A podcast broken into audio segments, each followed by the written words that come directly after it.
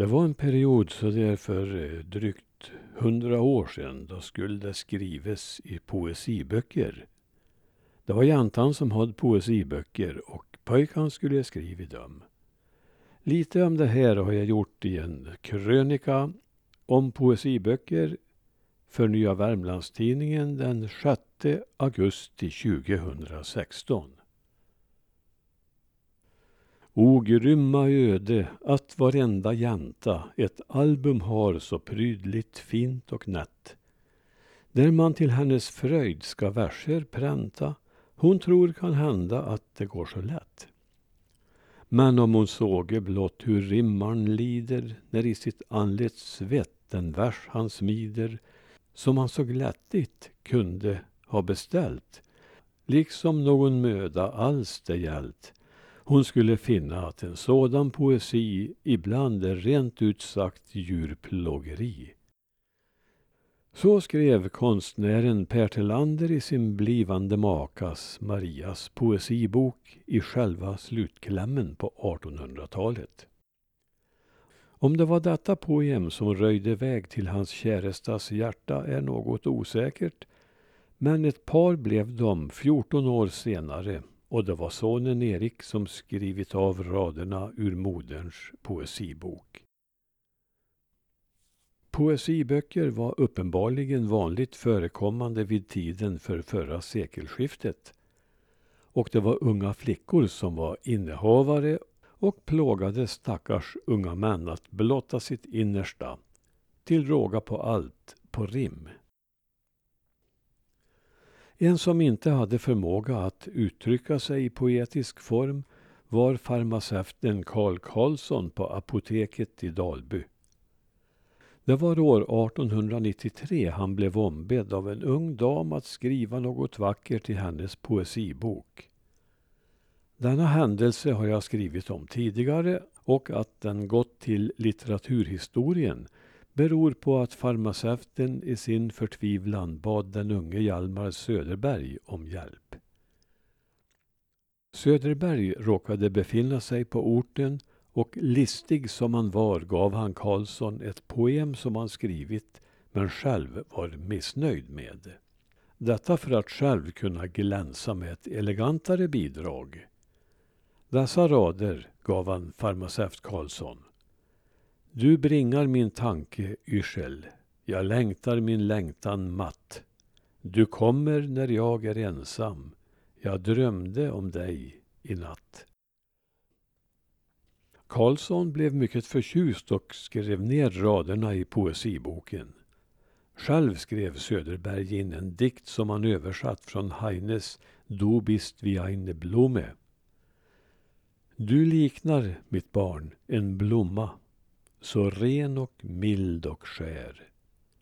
Jag ser dig och hjärtat sväller av tungsinta tankars här. I stilla bön vill jag lägga min hand på din hjässa len. Måtte dig Gud bevara så skär och mild och ren.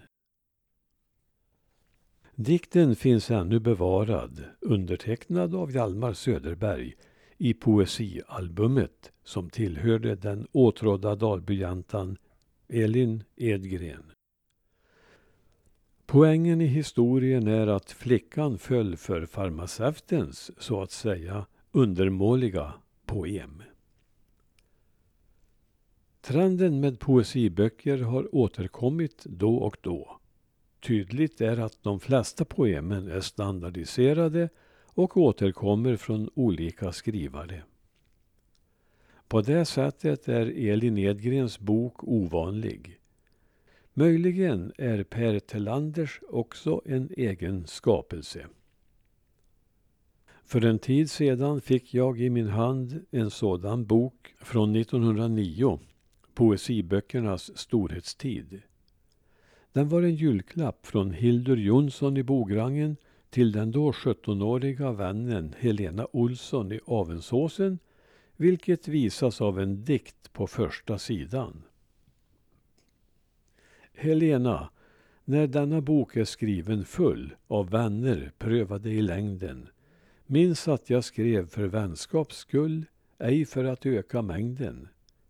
Bograngen den 24 december 1909. Hildur Jonsson.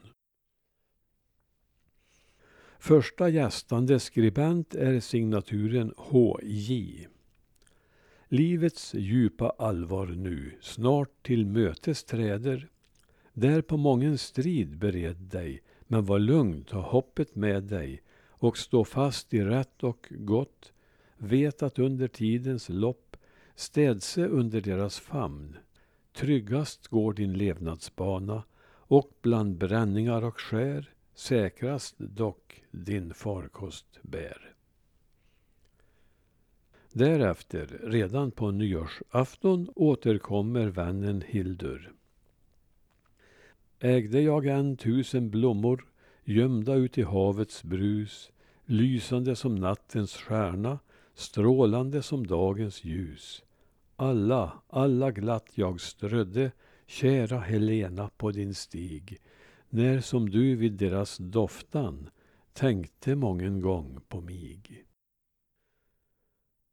Många högstämda rader fyller boken och flera av dem är skrivna av bokens ägarinna själv. De flesta präglas av en önskan om lycka och kärlek för bokens ägarinna. Blomsterströdd må bli din stig, glädje aldrig fatta stig. Kärlek ren må bli din lön, detta är min varma bön. En och annan dikt sticker ut på ett lite överraskande sätt. Grodor trivas i träsk, trikiner i fläsk. I mitt hjärta trivs endast du. Älskade, hör du min stämma? Älskade, hör du min röst? Älskade, har du en femma? Så låna mig den till i höst. Älsk, men förälsk dig icke. Lov, men förlov dig icke. Gift, men förgift dig icke. En vers är undertecknad Gustav och är skriven på norska. Du Helena, du Helena, du är icke grej. Till alle dine friere sier du nej. Men om han kommer, den du vill ha, då är du icke sein till att svare ja. Inlagt i boken finns Helenas hopvikta folkskolebetyg från 1907 undertecknat av skolrådets ordförande Edgren och läraren Lindholm. Helenas vidare öde känner jag inte till och man får tro att det var en tillfällig besvikelse som den 6 juli 1910 fick den 18-åriga flickan att teckna ner följande rader. Jag fann en blomma i Nordanskog, tog och fäste den vid mitt hjärta. Men höstens vindar kom och tog en iskall kyss och min lilja dog och sorg förbyter i smärta. Efter en åttaårsperiod är boken fullskriven och avslutas på sista sidan med dessa anonyma rader.